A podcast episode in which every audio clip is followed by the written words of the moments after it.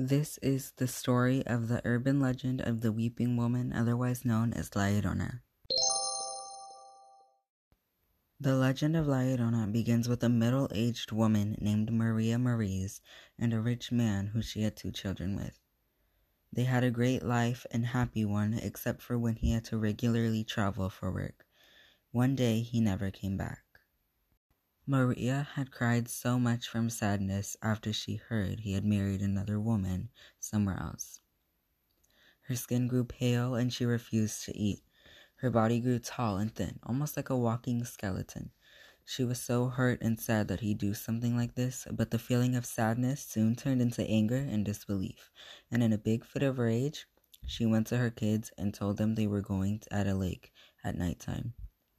Little did they know it was so she could drown them both in the lake. That's not all. After she drowned them, she soon felt immediate regret and shame. She dealt with the regret by drowning herself in the same lake. She couldn't take it anymore. All the shame led her to make the quick decision to go underwater and never come back up for any air.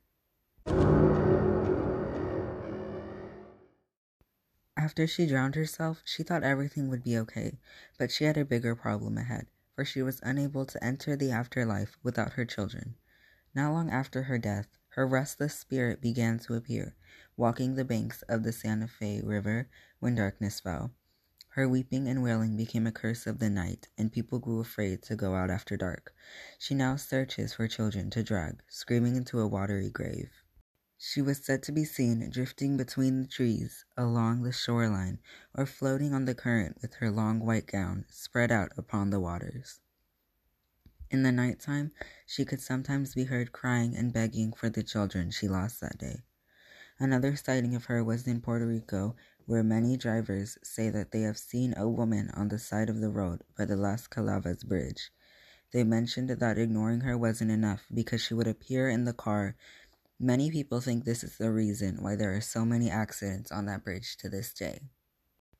She is a dangerous spirit who would do anything to get her children back, and so they never spoke of her as Maria, but rather La Llorona, the weeping woman.